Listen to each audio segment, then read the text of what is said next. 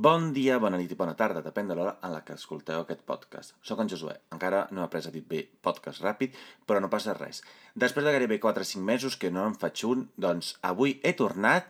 eh, m'hauré d'aguantar si em voleu aguantar i si no poseu pausa i ja està. Us explicaré per què no n'he fet cap, cap ni un fins ara i el tema del dia. Doncs vinga, som-hi! Molt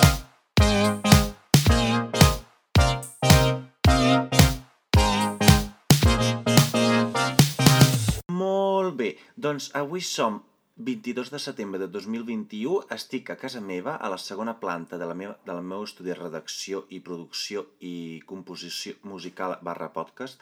bàsicament eh, al Quartutxo, i estic aquí gravant aquest nou podcast. Em fa molta il·lusió, després d'uns quants mesos en què no podia fer res, avui m'hi he volgut tornar a posar. I us explico per què, perquè és una cosa que no m'avergonyeix pas. El tema és que,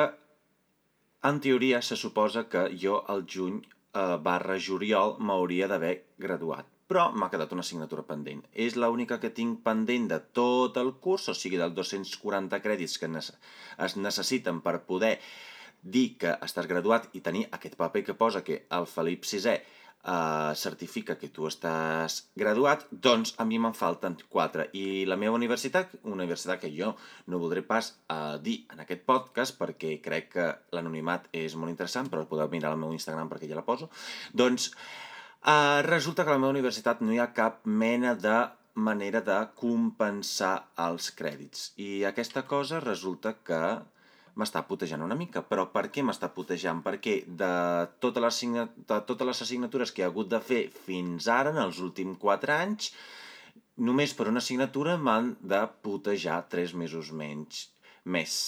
I, bueno, no passa res, o sigui, em va agafar una, com diuen en castellà, una bajona impressionant, uh, una mitja depressió, jo no sé si era una depressió de debò o no ho era, el tema és que vaig estar fatal, em vaig sentir una merda, em vaig sentir infravalorat, em vaig sentir com, com una persona que no valia res perquè eh, tot ho dedicava, entre cometa, a la universitat i, i també perquè aquest últim any he tingut la sort, entre cometa, i la desgràcia que m'he quedat a l'atur i llavors he pogut dedicar el meu temps només i exclusivament a la universitat, cosa que abans, en canvi, no podia fer, perquè ara resulta que hi ha els CICIs en lloc dels ninis, que aquestes persones que, ves per on, menys de 25 anys s'hi han de compaginar feina i universitat. No poden dormir la nit perquè han d'estudiar i tampoc poden dormir de dia perquè han d'anar a la universitat i anar a, també a la feina. I, i m'he sentit molt representat, o sigui, jo no estic igual en aquesta mateixa tessitura de no poder arribar a final de mes eh, perquè, per sort, sempre he tingut una feina que almenys pels gastos mínims eh, em cobria i també per alguna xorrada més, perquè el Tiger és la meva perdició, però a banda d'això, resulta que ara hi ha aquest fenomen d'aquestes persones que ves per on que han de treballar i estudiar a la vegada i no poden concentrar-se bé en una, no poden fer, fer bé la feina per altra banda, però una de les dues coses l'han de fer millor i la cosa que han de fer millor és la feina, perquè bàsicament, o sigui, la universitat, si no aproves el curs, doncs hauràs de tornar a repetir, mentre que la feina igual et foten al carrer, cosa que no fa ni puta gràcia. Doncs, eh, durant aquests mesos, com us explicava, doncs he tingut aquest, eh, aquesta, aquest, aquesta petita relliscada emocional i sentimental amb la universitat, però per la resta molt bé. Estic treballant al metro, cosa que m'encanta fer, o sigui, conduir trens i fer bescanvis m'encanta, més conduir trens que no pas fer bescanvis, tot i que la veritat que conduir trens després de moltes hores fa bastant de mantra, perquè imagineu-vos ficats dins d'un túnel durant més de 4 hores i mitja al dia, però bé, no passa res, m'encanta la feina, l'horari és el que és, m'agradaria tenir un horari una mica més de persona normal, però també és cert que jo a les 12 de la migdia plego i tothom podrà dir-me, hòstia, però tindràs tot el dia per tu. I jo diré, és que no tindré tot el dia per mi, perquè el meu dia s'acaba a les 8.39 de la, de la nit. Més, millor dit, del vespre.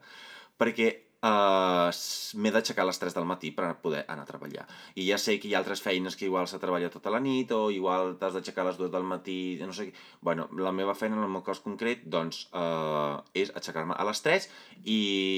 la veritat que per estar explicant misèries ja tinc jo aquest podcast, així que no cal recrear-se amb, les, amb gent que està amb més misèria, bàsicament, a la vida. Doncs el tema del dia és un tema molt interessant i és el tema de la feina i del... i del com es diu? De la feina i la universitat i les oportunitats que els joves tenim i tot això. Doncs jo vaig venir des d'Itàlia, jo em vaig instal·lar aquí i tothom pot pensar que, clar, com que jo sóc un immigrant però sóc europeu, doncs ho tenia tot més fàcil. Doncs us explicaré que no ho tenia tan fotut com els que venen com els pobres que venen, per, exemple, per exemple del, del Marroc, de l'Àfrica, que no, que no... O sigui, ara he dit una borrada perquè sóc una tia ben tonta, però... O sigui, això de fer comparació Marroc i Àfrica. Però, a banda d'això, eh, la gent que ve de, de, de països tercers, països del tercer món sobretot, que no tenen cap altra alternativa que escapar-se, que fugir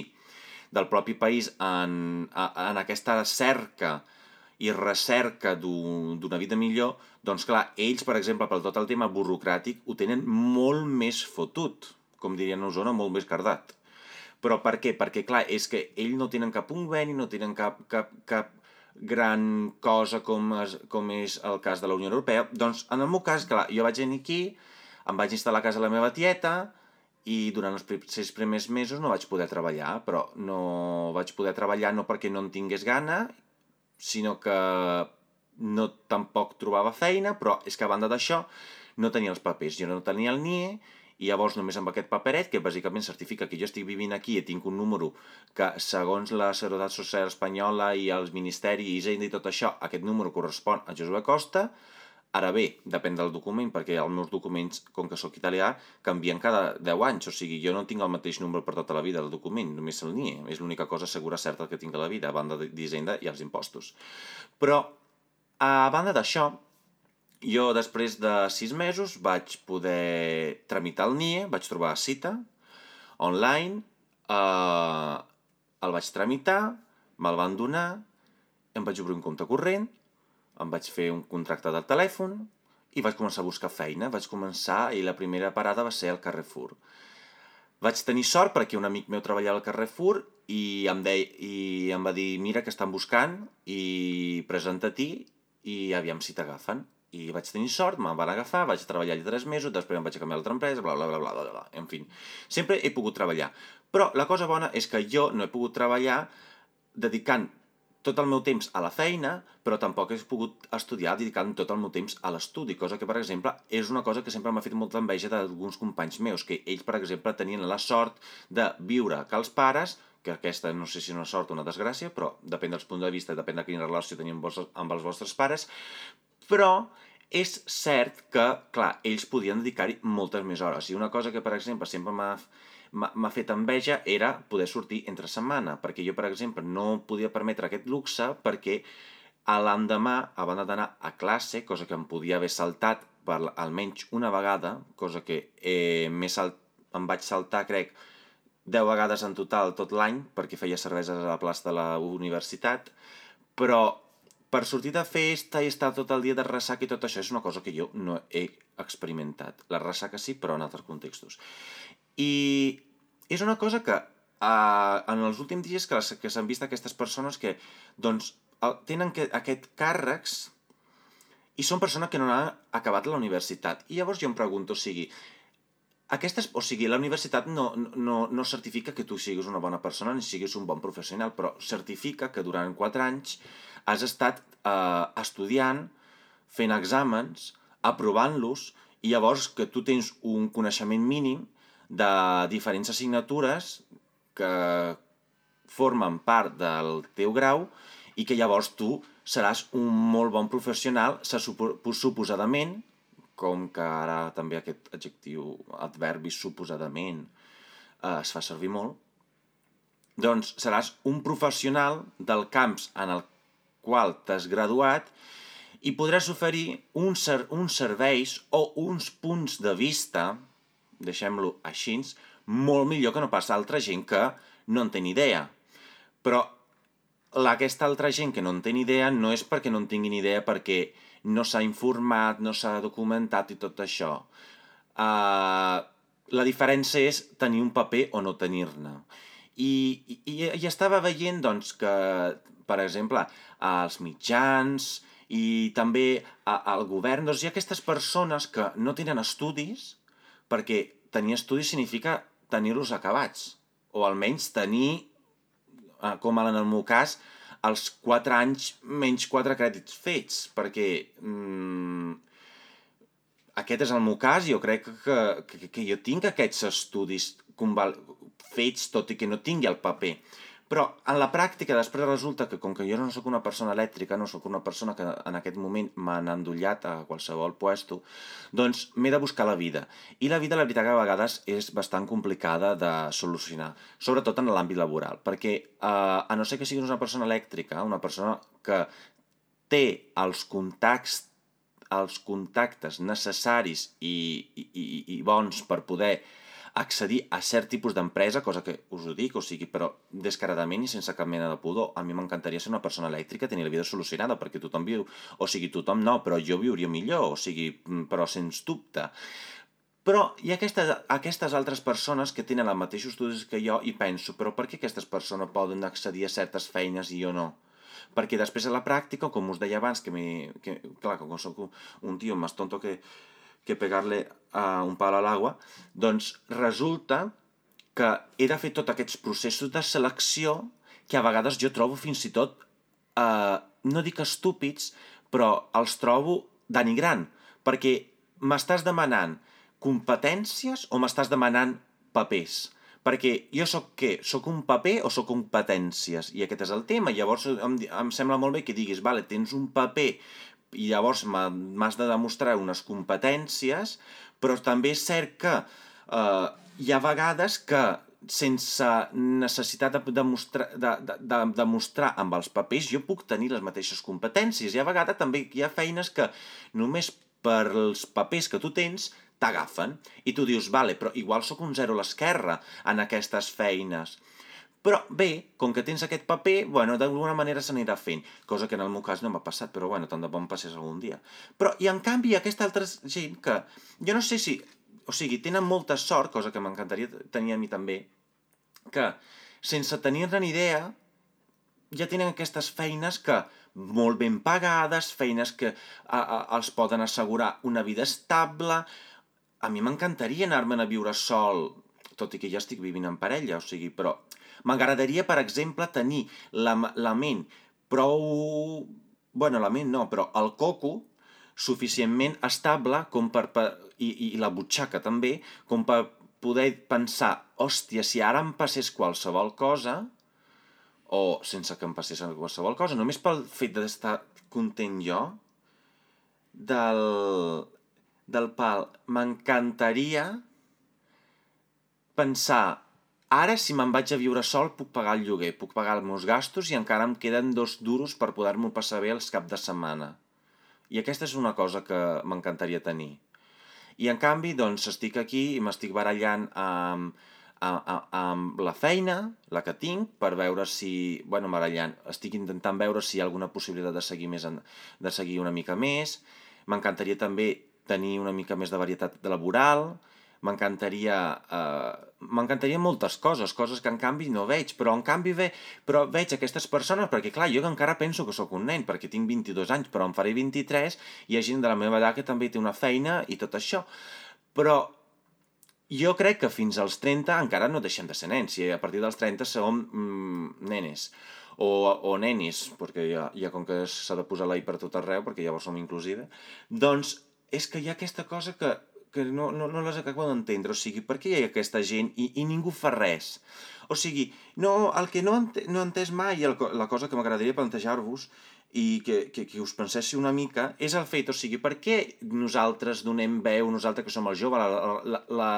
la generació del canvi, la generació, entre cometa, perduda, perquè no tenim totes les facilitats que van tenir els nostres pares o els nostres avis i parlo des d'una perspectiva italiana perquè sincerament eh, mai faig referència quan dic aquesta cosa a l'època del franquisme perquè mm, com que no m'ha tocat de prop eh, i vaig viure a Itàlia doncs és el que hi ha, és el que hi ha. Però, o sigui, nosaltres som la, la, la, la, la generació del canvi, la generació dels moviments d'internet, que tot ho sabem i tot ho volem saber i que sempre estem connectats, doncs per què no fem alguna cosa? Per què deixem que aquesta cosa segueixin passant? Perquè, al final, o sigui, Uh, és molt fàcil uh, per a aquesta gent que és molt antisistema, entre cometes, que és molt uh, d'esquerres, entre cometes, perquè tot s'ha de posar entre cometes, perquè després la realitat és una altra. Llavors, per què aquesta gent no pot ser sincera i no, pots, i, i no pot anar amb les cartes descobertes, no sé com es diga aquesta expressió, però amb, la, amb les cartes per endavant o, o les coses per, per endavant, o sigui, per què es vol amagar totes aquestes coses i després veure com nosaltres, gràcies a, a una mica d'investigació i, i descobrint, destapem totes aquestes farses, perquè al final què són aquestes persones farsantes? Doncs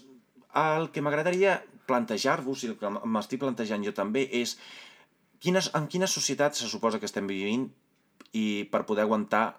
aquest rotllo de farsantes, perquè hi ha gent que ja en té més de 40, que ja està al govern, està al politiquer, o està per aquí, per allà. És que aquesta gent ja està col·locada, i si no està col·locada ja arribarà una elèctrica i, i, i ja està, o sigui, una elèctrica, la companyia de l'aigua o el que sigui, perquè al final totes acaben així, però